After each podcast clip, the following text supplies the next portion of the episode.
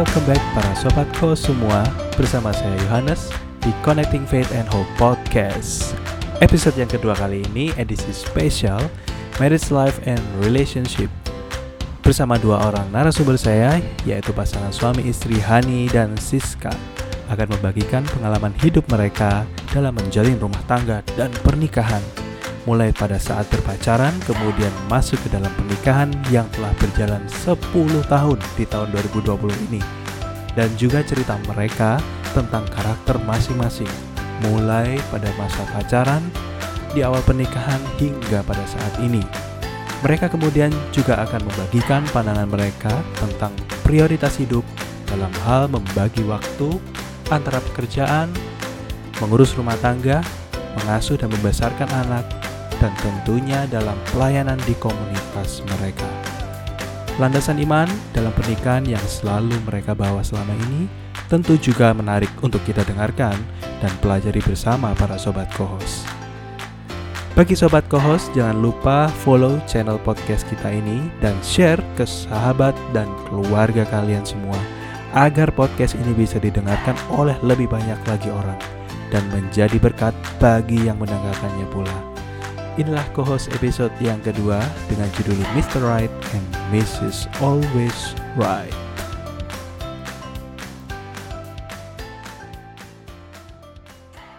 Hari ini kita kedatangan tamu, seorang pasutri, Siska dan Hani. Ya. Apa kabar? Baik. Sehat ya? Sehat, Sehat dong. dong. Lagi sibuk ya kayaknya ya sekarang ya. Banyak project, banyak. Eh, ya. Tuhan Tuhan masih pelihara lah. Tuhan masih pelihara, luar biasa jawabannya ya. Senang banget deh bisa eh, bisa ketemu di sini sama sobat Hmm. co-host juga. Ya mungkin semoga kita bisa share beberapa hal. Ya. Karena hari ini eh, judulnya cukup menarik ya. Mr. Right and Mrs. Always Right. Yep. She is always right. Speechless. Gua speech. Itu salah Speechless, salah satu prinsip dasar pernikahan. She is always gitu right. Ya. Speechless, speechless. But No comment. ya. Swiss.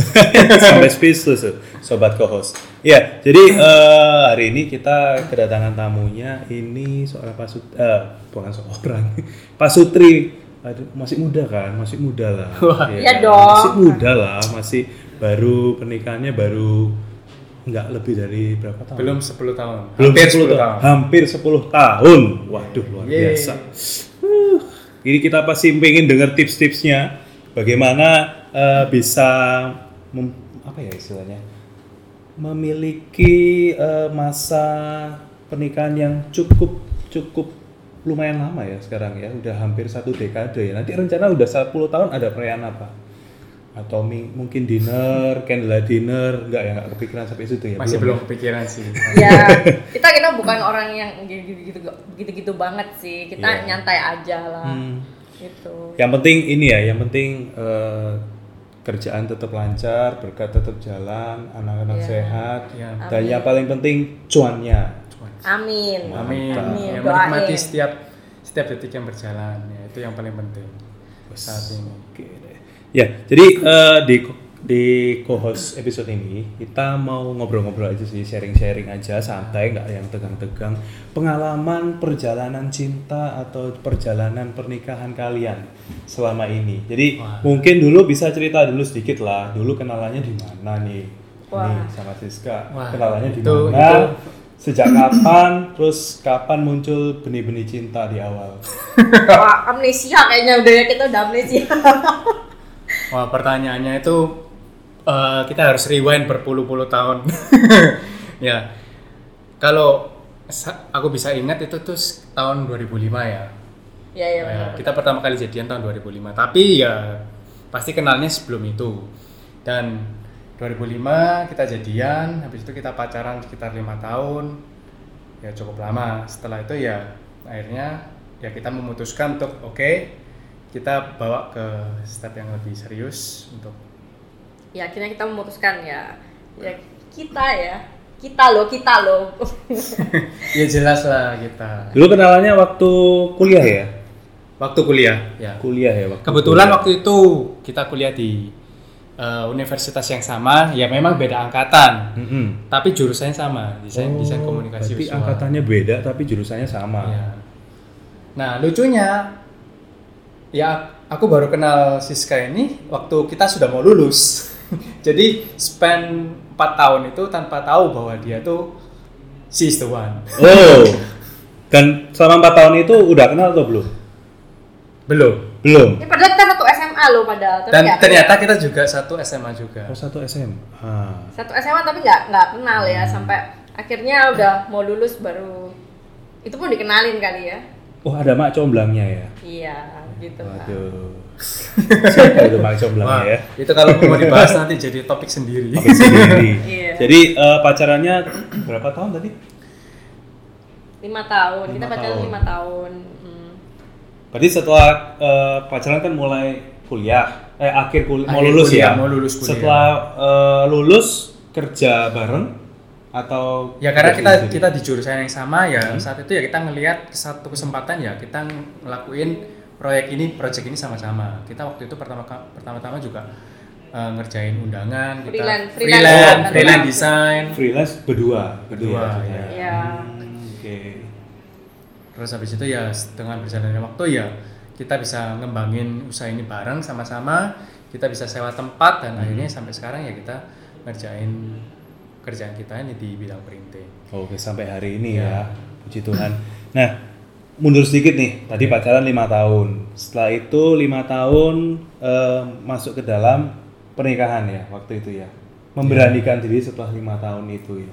Mengambil keputusan. Mengambil keputusan Untuk menikah. untuk menikah. Nah, waktu itu apa yang membuat eh, Hani yakin bahwa eh, Siska memang yang Tuhan eh, berikan untuk aku sebagai menjadi istriku atau she's the one. Jujur nih, Iya jujur dong, jujur dong. biasanya kejujuran itu tidak seindah kedengarannya. Ah, Jadi waktu itu eh, kalau eh, secara kenyataan waktu itu aku juga masih baru umur 25. Ya, terus kita 25 26. 25 26. Cukup cukup muda dan jujur waktu Sekarang juga masih muda itu lah. Amin ya. Udah itu pilihannya. jujur waktu itu aku nggak terlalu mikirin aku harus eh, sampai matang keputusan ini bahwa eh, ya aku harus Untuk ambil menikahi. step nikah Iya, untuk mengambil step nikah. Mhm. Tapi ya itu satu satu apa ya tindakan yang cukup ya itu harus dibutuhkan Hmm. keberanian ketika mem- oh aku ingin melanjutkan hubungan yang lebih lagi dari cuma sekedar pacaran satu step yang lebih serius lagi apa itu ya pernikahan ya waktu itu juga aku nggak ter eh, cukup takut juga ya oh dengan dengan omongan orang Hmm. kamu sudah mapan belum? Atau atau gimana kamu mau membuat keluarga yang seperti apa? Waktu itu juga aku nggak punya bayangan tapi ya oke step pacaran sudah selesai. What's next Eh, di semua hubungan pun seperti itu. Kita eh, hubungan teman ya cuma nggak nggak asal teman tapi kita harus bagaimana kualitas hubungan itu menjadi suatu kualitas yang lebih baik lagi. Nah, Mungkin- dulu waktu eh, sebelum lamaran tuh ya ceritanya dulu eh, antara keluarganya Hani sama Siska udah saling kenal kan pasti kan? Orang tua mungkin udah kenal terus mungkin apa ada omongan dari keluarganya Siska kapan ya? Kan udah lima tahun nih nikah kapan eh nikah pacaran ya pacaran dulu lima tahun pacaran kemudian kapan nih nikahnya? Pernah nggak ada Ah. dengar-dengar kayak gitu? Mungkin ya di akhir-akhir ya tapi selama pacaran itu juga ya kita berdua yang lebih lebih lebih saling komunikasi. Oke Siska oke ini mau mau ke mana? Dan akhirnya pertanyaan itu membuat aku berpikir oh ya mungkin ini saatnya untuk kita mau lanjut lagi berarti nggak ada paksaan dari orang tua No, ya no. Nggak ada. lima tahun kemudian ayo kapan nih kayak gitu ya nggak ada ya Enggak ya? sih, kita tuh lebih ke ini. Memang kita prinsip kita dari awal itu ya ini yang yang menjalanin kita gitu loh. Jadi eh ya kita siapnya kapan, apa yang kita apa yang kita rasakan rasanya itu lebih penting daripada omongan orang-orang gitu kalau buat kita. Oke, jadi pada saat itu memang nggak ada paksaan dari siapa pun, murni memang keputusan dari uh, Ya. Siska Kanhani untuk masuk ke dalam jenjang yang lebih serius lagi, Ya. yaitu masuk pada pernikahan ya pada waktu itu. Wow. Dan sekarang berarti udah uh, berapa tahun ya pernikahan?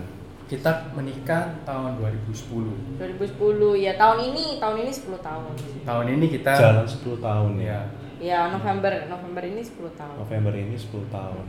Nggak kerasa ya 10 tahun ya. Cepet ya? enggak enggak kerasa ya Nggak kerasa ya? itu itu itu satu anu loh satu indikasi ya.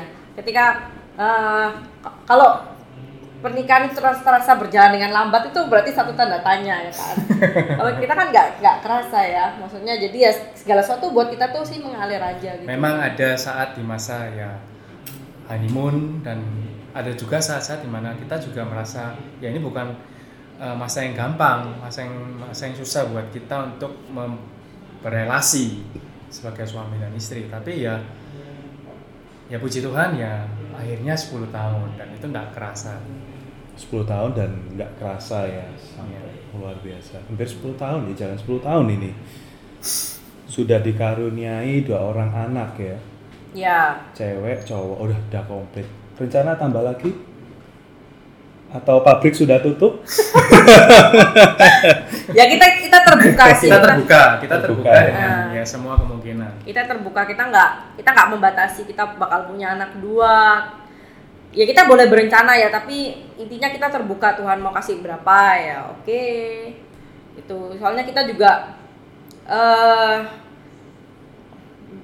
kita dulu juga sempat ini ya kita sempat eh, nunggu agak lama gitu kan ya kita sempat nunggu agak lama jadi ya kita benar-benar menghargai sekali gitu kalau uh, anak itu adalah hadiah gitu kan jadi Tuhan mau kasih berapa kita So tidak membatasi dan tidak memang nggak terlalu yang berharap harus dapat lagi atau Ya. enggak, gitu Enggak, juga ya. Ya. aja sih Jadi Tapi memang anak itu memang eh, titipan dari Tuhan. Ya, tetapi eh, dalam setiap hari ya kita selalu berdoa Tuhan jika kamu mau, jika kamu memberi ya kami terima. Tapi Terima. kalau misalnya ini cuma ini dua ya kami juga bersyukur. dan eh, berdoa kepada Tuhan supaya tetap bisa membesarkan anak-anak menjadi pribadi yang dekat dengan Tuhan dan bisa tentunya nanti eh, berbakti pada kedua orang tuanya. ya Seperti itu kan? Amin. ya Tuh. amin Nah, setelah 10 tahun perjalanan pernikahan ini ya. Kalau kira-kira dulu waktu sebelum menikah mungkin jalan pacaran, mungkin kan dulu Siska Hani punya hmm, kira-kira kayak tipe atau eh, apa ya, tipe cewek, tipe cowok yang akan jadi suamiku, jadi istriku ke depannya. Nah, melihat itu pada saat itu dan sekarang 10 tahun kira-kira menurut Siska, apakah Hani sudah sesuai dengan ekspektasi yang seperti dulu diimpikan seorang suami? wah gimana ya ya kalau sekarang kalau kalau kamu tanya sih sekarang saya saya bersyukur dengan Hani gitu kan tapi ini ini pertanyaan menjebak sih ya ya kalau jujur aja sih ini moment of truth ya Ya. please no hard feeling oke baru baru sekarang ya? Apa belum pernah sebelumnya untuk moment of truth belum ya? Kayaknya. Ah, Eh, gimana ya ya Sudah berulang kali. Nah, jujur aja sih maksudnya eh, ya kalau kita ya zaman zaman dulu ya namanya cewek umur 20-an wah ya ekspektasi itu kan Harapan selangit. tinggi. Wah, ekspektasi selangit banget gitu kan. Wah, minta yang ini, wah ganteng. dulu mungkin zamannya ini ya Tomingse ya. Ya, iya iya iya Iya, benar, Tom Hanks ya? Iya. Hefse, belum zaman-zaman Korea ya, belum. Oh, belum. K-pop belum. Belum. ya. belum K-pop belum gitu kan jadi impian tuh setinggi langit gitu kan ya tapi boleh boleh impian setinggi langit gitu kan tapi ya eh, akhirnya ya kita juga ini kan kita harus kembali ke realitas juga gitu ya ya pertama kali ketemu Hani sih ya wah kayaknya bukan deh Tuhan gitu. Yang sabar ya Pak. ini memang eh, moment of truth. gitu. Sobat host, saya juga ikut jadi eh, tegang ini di sini. Ntar saya saya disuruh di sofa lah. Kebalik. Enggak kebaca. iya Yang cowok biasanya yang tidur di sofa guys. Iya gitu kan. Jadi ya kayaknya bukan saya banget apa bukan deh Tuhan ah masa begini sih gitu kan. Maksudnya, eh, tapi di ya saya tuh bergumul sekali gitu dengan Tuhan untuk eh, mencari pasangan hidup tuh saya benar-benar menyerahkan semuanya kepada Tuhan gitu. Saya benar-benar iya Tuhan eh, siapa siapa siapa orang yang sudah kau siapkan buat buat aku gitu Hmm. ya satu hari ketika saya bergumul ah kayaknya bukan deh ah Tuhan udah kayaknya kayaknya bukan dia bukan Hani dia Tuhan bukan gitu kan. Nah tapi eh, di satu misa tuh saya datang saya datang menghadiri satu misa dan waktu itu dalam pergumulan saya tuh ayat eh, saya dapat ayat gitu di misa itu waktu Tuhan itu memilih Daud gitu. Tuhan itu memilih eh, memilih mengurapi Daud gitu kan. Ya. Waktu itu Samuel Ya, Samuel, itu mengunjungi uh, Isai. Isai Mhm. dan waktu itu kan saudara-saudara Daud tuh kan ganteng-ganteng ya kekar-kekar, Gagah-gagah, gagah-gagah gitu kan, cakep-cakep. cakep-cakep gitu. Tapi Tuhan itu nggak ada satupun yang dipilih Tuhan gitu loh. Dan satu kata-kata Tuhan yang benar-benar mengena buat saya, Tuhan tuh bilang, jangan kamu melihat seseorang itu dari penampilannya, dari apa yang dilihat oleh mata gitu, Hmm. tapi dari apa yang Tuhan inginkan gitu kan. Nah, waktu itu saya dek gitu. Kayaknya benar-benar ini firman ini buat saya gitu. Eh, Untuk meneguhkan dan meyakinkan bahwa memang Hani ini yang Tuhan kirimkan untuk iya, Siska. ya gitu. Jadi ya waktu itu saya eh, jadi ayat itu benar-benar saya renungkan, saya bawa pulang dan lain saya bawa doa dan akhirnya ya udah kita ya ya Tuhan kalau memang kamu mau ya ya oke kita coba jalan dulu gitu kan. Ya dan ternyata memang Tuhan berkehendak gitu kan. Eh, selama perjalanan lima tahun pernikahan itu Lima tahun pacaran. eh lima tahun pacaran sorry sorry Hmm. lima tahun pacaran itu ya memang eh, Tuhan ada di sana dan Tuhan benar-benar memberkati gitu. Segala prosesnya tuh dilancarkan dan ya memang memang kita benar-benar merasakan campur tangan Tuhan sih dalam masa pacaran itu gitu. Luar biasa ya. Wow. Wow. Baru Aku tahu. aja sampai merinding. Kasih berulang kali. Merinding ya. Iya. Nah, itu dari Siska. Kalau dari Hani gimana? Oke. Moment of truth. Sama moment of truth. Cowok itu cowok itu simpel ya. Jadi sama dulu saya cuma berpikir ya ya tapi saya selalu mengawali quest pertualangan itu dengan dengan dari Tuhan juga. Tuhan kalau memang kamu panggil saya untuk menikah ya saya ingin menemukan seorang wanita yang Hmm. tentu saja pertama kali cantik. Oke, itu harapan yang pertama ya. Iya, Cantik, cantik. cantik dan, Dan- akhirnya Dan akhirnya ya bertemulah. Bertemulah dengan- saya dengan Siska dan buat saya itu jawaban Tuhan. Aduh terima kasih Tuhan kamu sungguh sangat baik. Tapi waktu itu juga bukan berarti saya mengetahui dengan pasti bahwa eh, Siska ini orang yang terpilih. Hmm. Itu setiap hari adalah keputusan.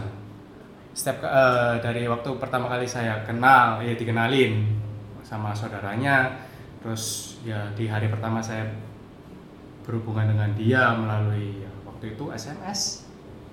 Iya, belum belum ada WhatsApp, belum ada masih dihargai BBM, itu SMS ya waktu itu ya. SMS Telepon sampai juga akhirnya ya? saya ketemu dia itu su- suatu proses bahwa setiap hari saya tanya ke Tuhan Tuhan apakah ini benar Yap. kalau ini memang benar ya memang ini memang yang apa wanita yang kau sediakan buat aku ya berikan aku ke- eh, kepastian setiap hari dan dan Tuhan memberikan jawabannya setiap hari saya saya mendapat tanda oh ya mungkin aku bisa hidup dengan eh, wanita ini Oke. ya itu sih simpel sih dan Ekspektasinya? Ya ada ekspektasi sebagian besar ya oke kita bicara persentase ya 80, 80 terpenuhi lah. Terpenuhi lah. ya. 20 persen ya kita harus Biarlah menjadi misteri. Biarlah menjadi seri, misteri. salib atau berkat yang lain ya. Salib. Ya karena kan nggak ada yang sempurna. kan? Iya, iya, benar, Gitu. benar. Kalau kita pingin eh, pasangan yang seperti idola kita, mungkin tadi kayak idolanya eh, pinginnya sosoknya seperti Tomingse ya. Aduh, saya tak mengundurkan diri. Ya, nggak mungkin ya nggak sesuai dengan itu. Mungkin ya Tuhan punya rencana yang lebih baik. Maksudnya seperti yang tadi diceritain itu, memang benar-benar apa ya istilahnya eh, kalau ditanya sekarang perasaannya seperti apa, pasti lebih banyaknya ber, bersyukur kan, gitu kan. Iya. Ya, akhirnya ya aku saya aku harus mengambil satu sikap bahwa saat ya aku harus bersyukur aku bisa Hmm. Bertemu dengan dia berkenalan dengan dia dan akhirnya bisa melanjutkan sampai ke jenjang pernikahan bersama dengan Siska Luar biasa. Itu tadi sharingnya ya dari Hani dan Siska. meskipun Mm-mm. setiap hari pun aku menyadari bahwa kita ini bukan satu orang yang sama dengan eh, satu karakter yang sama Ya kita orang yang ini sih yang kalau dan itu baru diketahui setelah kita menjalani pernikahan tuh beberapa tahun se- se- ya mungkin di, di di pacaran juga kita tahu kita ini bukan tipe ya kita orang yang yang berbeda sama. kayak bumi dan langit gitu. Jadi dari dari segi karakter em, dia introvert, saya ekstrovert. Ya intinya kalau kita psikotes gitu ya, itu nggak ada deh satu kesamaan gitu kan. Semua itu beda kayak bumi dan langit gitu juga. Dari latar belakang sosial ekonomi kita juga beda gitu. Tapi ya memang itu satu keputusan, memang dibutuhkan satu keputusan dari kita berdua masing-masing untuk ya ya saya mau ya kita mau gitu. Dan ini satu keputusan yang bebas sih buat kita. Nggak ada yang maksa nggak ada yang mengharuskan juga. Tapi ya memang kita ya kita mau eh, tidak menjadikan perbedaan yang kita punya itu sebagai satu masalah gitu tapi itu sebagai satu yang sal- eh, membuat kita saling Melengkapi, melengkapi, melengkapi. gitu. ya Oke, jadi selama pacaran itu juga proses pembelajaran untuk mengenal pribadi satu dengan yang lain. Kemudian setelah masuk ke dalam pernikahan justru lebih banyak lagi yang dipelajarin ya ternyata ya. satu poin yang selalu saya ingat bahwa sejak masa pacaran saya menyadari bahwa saya menjadi orang yang lebih baik karena Siska Ah, Dengan adanya Siska. dengan adanya Siska. hmm. Saya bisa eh, merubah kebiasaan saya menjadi orang yang lebih baik karena dia ada. ya Dan itu yang membuat saya akhirnya memutuskan, oke, saya mau menjalani hidup ini bersama dengan kamu. Dan itu memang udah confirm banget dibawa dalam doa dan itu memang Tuhan yang memang menggariskan sampai pada akhirnya menikah. Dan memang puji Tuhan kan sampai sekarang pernikahan sudah jalan 10 tahun Hmm. dan itu memang benar-benar eh, Tuhan yang berikan berkat sendiri Iya. ke kalian seperti itu. Ya, oke. Yap.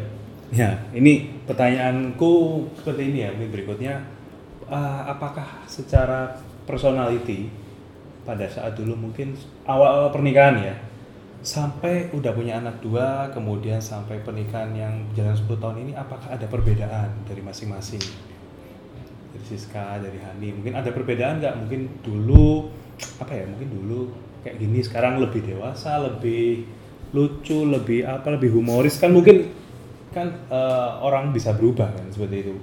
Ada nggak perbedaan yang dirasakan? Aku dari dulu humoris kan ya. ya ya intinya sih kita kita tuh dari awal memang kita terbuka ya. Maksudnya kita nggak ada yang ditutup-tutupi dari awal gitu ya. Jelek jelek baik juga kita buka aja sih. Maksudnya nggak Hmm. Cuma memang seiring berjalannya umur terus em, kita punya anak juga Ya itu membentuk. itu membentuk membentuk Membentuk. membentuk kita menjadi seorang ya dari relationship kita sebagai suami istri setiap hari kita kan juga eh, pasti karena tadi Hani bilang ya kita menjadi orang yang lebih baik gitu kan itu yang Yes.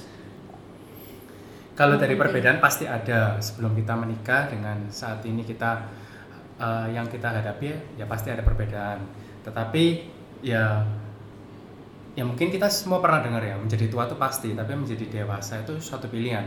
Yap. Kita bisa menjadi tua tetapi tidak menjadi dewasa itu juga satu pilihan. Dan yang kita hadapi, yang kit- yang aku rasakan bersama dengan Siska bahwa dia ini so ada proses yang terjadi di Siska ya ketika eh, sebelum dia menikah dan setelah dia menikah dengan eh, pergumulan yang kita hadapi dengan suka duka yang kita lewati dan ya step of life yang kita terima anak dan itu membentuk membentuk karakter kita membentuk kepri- kepribadian kita masing-masing. Dan ya saat ini ya Siska adalah seorang yang lebih baik dari sebelum tentunya sebelum kita menikah. Waktu itu kita menikah ya nggak terlalu mikir panjang juga kita masih muda nggak terlalu apa Ya. yang kita uh, punya pertimbangan yang jauh Berarti memang benar ya eh, namanya sebuah pernikahan rumah tangga itu dua kepribadian yang berbeda saling melengkapi satu dengan yang lain ya Ya. dan bersama-sama menjadi pribadi yang lebih baik daripada sebelumnya. persekutuan pribadi. Persekutuan Jadi pribadi. dia ini satu pribadi yang utuh, aku ini satu pribadi yang utuh dan kita bersama-sama bersekutu. Jadi bukan bukan selama ini anggapannya oh dia ini separuh, separuh hati terus habis itu aku juga separuh hati. kayak belahan jiwa Terus di- ya Satukan belan- menjadi satu hati. belan jiwa tuh ini sih maksudnya ya itu uh, agak silly sih komen itu karena memang sebetulnya ketika kita memutuskan untuk menikah itu saya tuh sebagai satu pribadi yang utuh dan Hani satu pribadi yang utuh gitu dan kita memutuskan untuk bersama-sama jadi bekerja sama. bekerja sama. Jadi bukannya saya tidak bisa hidup tanpa Hani atau Hani tidak bisa hidup tanpa saya, tapi kita memilih untuk hidup bersama-sama. Hmm. Bukan karena kita tidak bisa hidup tanpa Hani atau tak bukan saya eh, ti- tidak bisa hidup tanpa masing-masing, tapi kita memutuskan untuk setiap hari untuk hidup bersama-sama. bicara tentang eh, dalam membangun sebuah pernikahan ya landasan apa yang mulai dari awal sampai hari ini dalam perjalanan pernikahan kalian ini yang kalian pegang mungkin dari ajaran gereja atau mungkin dari firman Tuhan yang mungkin jadi landasan dalam menjalankan eh, kehidupan berumah tangga kalian mungkin dari Siska dulu Ya intinya kita tuh bersyukur banget sih. Eh, kita itu di awal-awal pernikahan tuh kita udah dikenalkan gitu kan. Kita udah di, kita udah dikenalkan dengan pernikahan Katolik gitu dan eh, ternyata pernikahan Katolik itu bukan cuma sekedar seru-seruan kawin di gereja dengan gereja yang mewah dan lain-lain. Tapi bener-bener ber- dalam banget gitu loh maknanya. Lebih dari itu semua. Lebih dari itu lebih semua. dari sebuah perayaan atau selebrasi yang indah yang bagus gitu ya Iya gitu jadi eh kita tuh bener-bener pernikahan Katolik itu pernikahan sakramen gitu jadi sakramen itu menjadi eh, membuat kita masing-masing menjadi tanda kehadiran Tuhan gitu. Ya. Saya menjadi tanda kehadiran Tuhan buat Hani dan ya Hani menjadi tanda dan kehadiran sebaliknya Tuhan. seperti itu juga ya Iya gitu ya. buat saya. Dan ada empat prinsip yang benar-benar kita pegang gitu. ya Iya apa itu. tuh empat prinsip Nah, eh, prinsip sakramen pernikahan dari Katolik itu adalah free, total, Free, total faithful, faithful dan fruitful. dan fruitful Ya, free kita tahu kan, free itu bebas. oke Eh, Ya total itu berarti ya kita memberi diri secara total gitu Iya. kan, tanpa ada yang Ya kasih yang kasih yang sejati adalah kasih yang memberi, memberi, mengorbankan secara penuh mengorbankan diri kita untuk pasangan kita. Iya. Nah, itu total. ya dan faithful itu kita tahu setia dan fruitful ya berbuah gitu. Berdua. Ya, tapi buat kita eh, ya buat kita bebas tuh memang dalam banget gitu loh artinya. Bukan berarti bebas kita bebas melakukan apa pun, tapi hmm? bebas itu waktu saya dengan dengan kehendak bebas saya, saya memutuskan untuk hidup bersama, memberikan diri saya untuk hidup bersama dengan Hani gitu. Yang selama ini sudah kamu kenal. Ya waktu pacaran udah, Ya, kenal dong. oke. Terus ya kita memutuskan dengan kehendak bebas kita untuk yang mel- melangkah meresmi mensahkan Mensah. mensahkan. bukan ya maksudnya kita memutuskan untuk hidup bersama-sama dengan Hani lah jadi ya ya itu berlaku untuk seumur hidup kita lah kita memberikan diri dan kita itu eh, poinnya semuanya ada pada saat janji pernikahan di gereja ya pada saat itu ya. ya saya Ya. memilih saya memilih gitu kan saya memilih engkau Hani Iya. gitu jadi benar-benar dari memberi diri secara penuh secara sadar Ya. dan tanpa pasangan dari siapa pun ya benar Iya, betul. itu poin bebas, yang Bebas. dimaksud ya seperti itu ya. Mm-mm. ya gitu Jadi poin berikutnya adalah fruitful.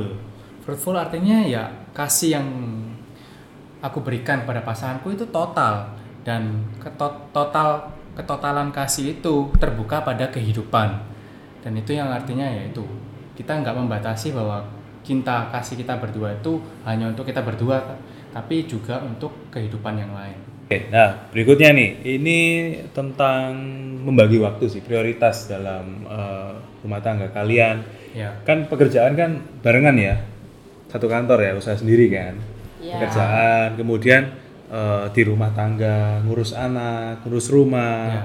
Kemudian juga kan aktif juga dalam pelayanan di gereja dan komunitas. Nah, itu eh, pembagian waktunya gimana? Prioritasnya seperti apa bagi kalian? mengenali prioritas mana yang mau kita lakukan harusnya itu akan mempermudah pengambilan keputusan kita. Nah, buat kita pribadi dalam ya saya dan Siska, prioritas yang pertama adalah Tuhan sendiri.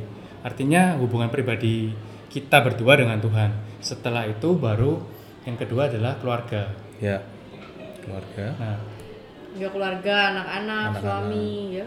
ngurus rumah juga termasuk ya, ya, Iya. baru setelah itu mengikuti yang berikutnya pekerjaan dan lain-lain. dan pelayanan. tetapi ya. biasanya tetapi biasanya eh, ketika kita menempatkan Tuhan itu dalam prioritas kita yang utama Tuhan itu ikut andil Mm-mm. dalam Dalam dalam prioritas kita yang lain ya, nah seakan-akan ketika orang bilang uh aku rasanya nggak bisa melakukan itu aku repot tetapi justru kita menemukan banyak sekali waktu di mana kita bisa eh, memberikan diri kita kepada anak-anak kita, kepada keluarga kita, dan memberikan diri kita juga kepada komunitas di mana kita melayani, kita layani, yaitu di YCP dan di komunitas Emmanuel. Secara secara manusiawi ya itu rasanya nggak mungkin, tetapi ya itu bisa kita jalani. Berarti kesimpulannya yang tadi barusan eh, saya dengar juga, aku dengar juga, itu berarti kan tetap yang utama adalah Tuhan. Selalu Christ Center kemudian dari Tuhan itu sendiri melalui eh, relationship kita juga dengan Tuhan, artinya ke prioritas kita yang lain itu juga kita bisa merasakan kehadiran Tuhan juga di situ.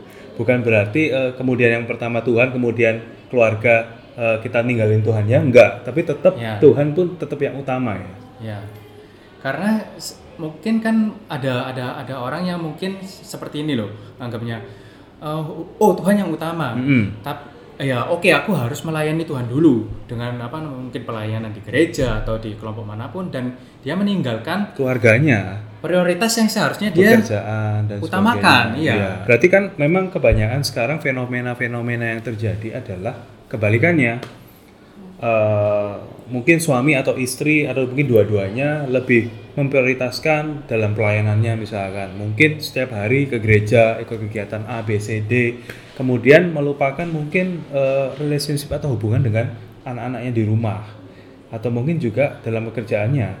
Dan itu eh, menurut aku sih eh, kalau melihat dari prioritas hidup seperti yang tadi Hani ceritakan tadi itu memang kurang sesuai ya kalau seperti itu udah bukan Tuhan yang utama ya. Mungkin pelayanan udah bukan untuk Tuhan tapi memang untuk mengisi kesibukan aja berarti ya. Dan kita akan melihatnya semua itu sebagai hanya sebagai kegiatan. kegiatan. Kegiatan, kegiatan dan kegiatan. Dan kita akan tenggelam oh, di sa- satu rutinitas oh aku harus naruh kegiatan ini di mana ya? Hmm. oh ini sudah ini aku su- sudah taruh di hari ini. Loh terus habis itu untuk akhirnya kita akan kehabisan sendiri di mana kita mau naruh waktu itu untuk keluarga kita Kalau buat saya sih em, prioritas Tuhan itu bukan berarti semata-mata itu seperti dalam bentuk pelayanan ya karena eh, hubungan dengan Tuhan itu tidak semata-mata itu dalam bentuk pelayanan gitu. Tapi yang terpenting itu ya relationship bersama-sama dengan bersama dengan Tuhan gitu kan.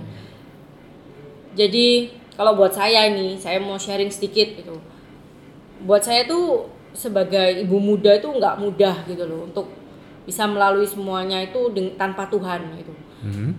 setelah punya anak ya memang kita setelah eh, dalam tiga tahun pernikahan kita tidak dikasih keturunan gitu tidak dikasih anak tetapi begitu eh, Tuhan memberi itu ada satu perubahan dalam kehidupan berumah tangga kita karena eh, setelah tiga tahun kita rasanya cuma hidup untuk berdua kehadiran seorang anak itu perubahan yang besar. perubahan yang besar gitu.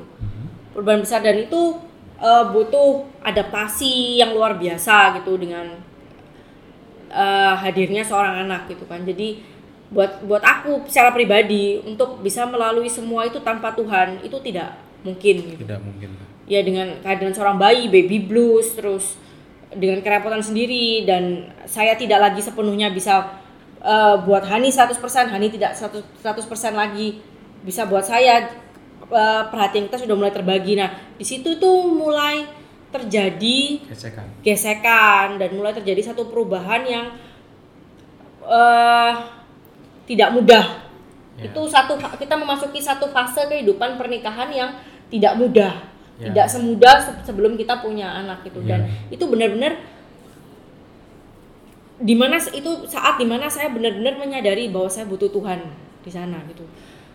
Tapi bagaimana gitu kan? Kebanyakan ibu-ibu muda itu terjebak gitu terjebak ya eh, anakku gimana ini anakku aku nggak bisa ke mana-mana Eh, aku 24 harus jadi ibu yang baik. Jadi ibu Iya. yang baik itu 24 jam buat anak. Eh, Tidak boleh, tidak bisa ke mana-mana dan terikat dan lain-lain itu buat saya itu satu yang menjebak gitu loh. Itu jebakan yang mematikan kalau buat saya.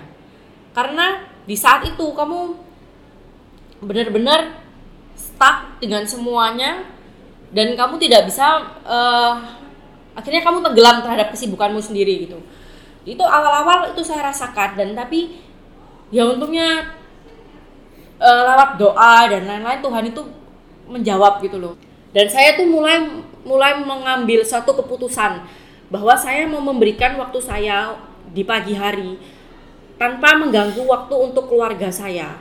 Saya harus bangun lebih pagi daripada keluarga saya sebelum anak saya bangun sebelum suami saya bangun. Saya mau bangun lebih pagi mengorbankan waktu tidur saya Mhm. untuk Tuhan. Ya, jadi saya mau bangun jam 5 pagi ya.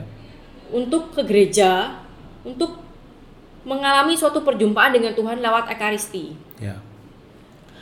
setelah itu setelah misa saya menyempatkan waktu eh, setengah jam untuk adorasi. Kurang lebih sekitar setengah jam setengah jam 45 menit untuk adorasi. Dan setelah saya mengambil keputusan itu perubahan besar saya merasakan suatu perubahan besar eh, dalam kehidupan saya gitu kan. Yang biasanya saya gampang stres harus menghadapi eh, situasi-situasi yang tidak terduga menghadapi kadang eh, menghadapi suami juga ya itu tidak mudah ya Hmm, Wah. gitu kan Kadang rewel, Kadang- kadang, manja, Iya, kadang gitu. banyak maunya. kan perhatian saya juga tersedot Iya, benar sekali. ya gitu. Jadi belum lagi menghadapi anak yang tantrum nanti Hmm. permasalahan ya banyak ya permasalahan ibu muda tuh ya mungkin ya Iya. kalau pendengar sobat sobat kohos ini ada yang ibu muda mungkin mengerti sekali gitu kan menghadapi anak yang nggak mau makan nggak mau minum susu Iya. kadang tidurnya susah dan lain-lain. Saya tuh dimampukan dimampukan untuk melalui semuanya itu dengan damai gitu kan. Saya merasa rahmat Tuhan itu benar-benar eh, ada buat saya hari itu gitu. Dan ketika saya melakukannya itu setiap hari nah saya saya benar-benar ya itu saya dimampukan untuk menjadi seorang ibu dan istri Eh, ibu buat anak-anak dan is- dan jadi istri buat Hani gitu ya kalau buat saya sih itu ya maksudnya lebih ke sana gitu Nah, by the way tadi eh, sempat nyinggung tentang pelayanan juga ya. Ya. Nah, Siska dan Hani sekarang aktif di pelayanan di komunitas mana nih sekarang? Oke, saat ini kita sebagai penanggung jawab di komunitas Emmanuel, khususnya di Surabaya. Di Surabaya. Dan kita juga sebagai eh, pendamping dari komu- komunitas yang Katolik profesional di Paroki Yakobus. Di Paroki Yakobus Surabaya tentunya. Cukup menyenangkan mendampingi anak-anak muda itu. Anak-anak muda profesional muda ini ya. Mereka Iya. kan bersemangat Membuat- sekali. membuat kita tetap Membuat muda. kita merasa lebih muda makanya. Lebih muda lah ya, lebih muda. Jadi eh, mendampingi di komunitas yang Katolik profesional juga sekarang. Iya. Iya. Itu tadi di komunitas dan juga eh, mungkin yang terakhir nih, pertanyaan terakhir eh, tips untuk para pasangan muda atau yang couple yang mungkin bisa kalian bagikan untuk teman-teman yang couple. Ada satu quotes yang selalu eh, saya ingat, seorang Kristiani yang berjalan sendiri adalah seorang Kristiani yang men- berjalan menuju ke- kepada kematian. Nah, itu hal yang sama yang terjadi juga buat kehidupan yang couples. Ya, kita akan dihadapi dengan banyak adaptasi, pergolakan, eh, penyesuaian, entah secara pribadi, karakter, atau aktivitas. Tetapi ya kita membutuhkan pasangan yang lain yang mem- ya ketika kita bisa berjalan bersama-sama itu akan menjadi menjadikan segala sesuatu yang kita hadapi itu eh, menjadi lebih mudah untuk dilewati daripada kita harus menjalani secara sen sendiri. Itu sih kalau dari saya. Sobat Ko semua, itulah tadi episode yang kedua Mr. Right and Mrs. Always Right. Sesi bersama Pak Sutrihani and Siska akan kita lanjutkan di episode selanjutnya. Session question and answer akan dipandu bareng dengan rekan host saya Yudi Susanto lewat pertanyaan seputar kehidupan pernikahan Kristiani kepada dua narasumber kita. So, jangan lupa untuk nantikan episode yang ketiga Question and Answer bersama Pak Sutrihani and Siska.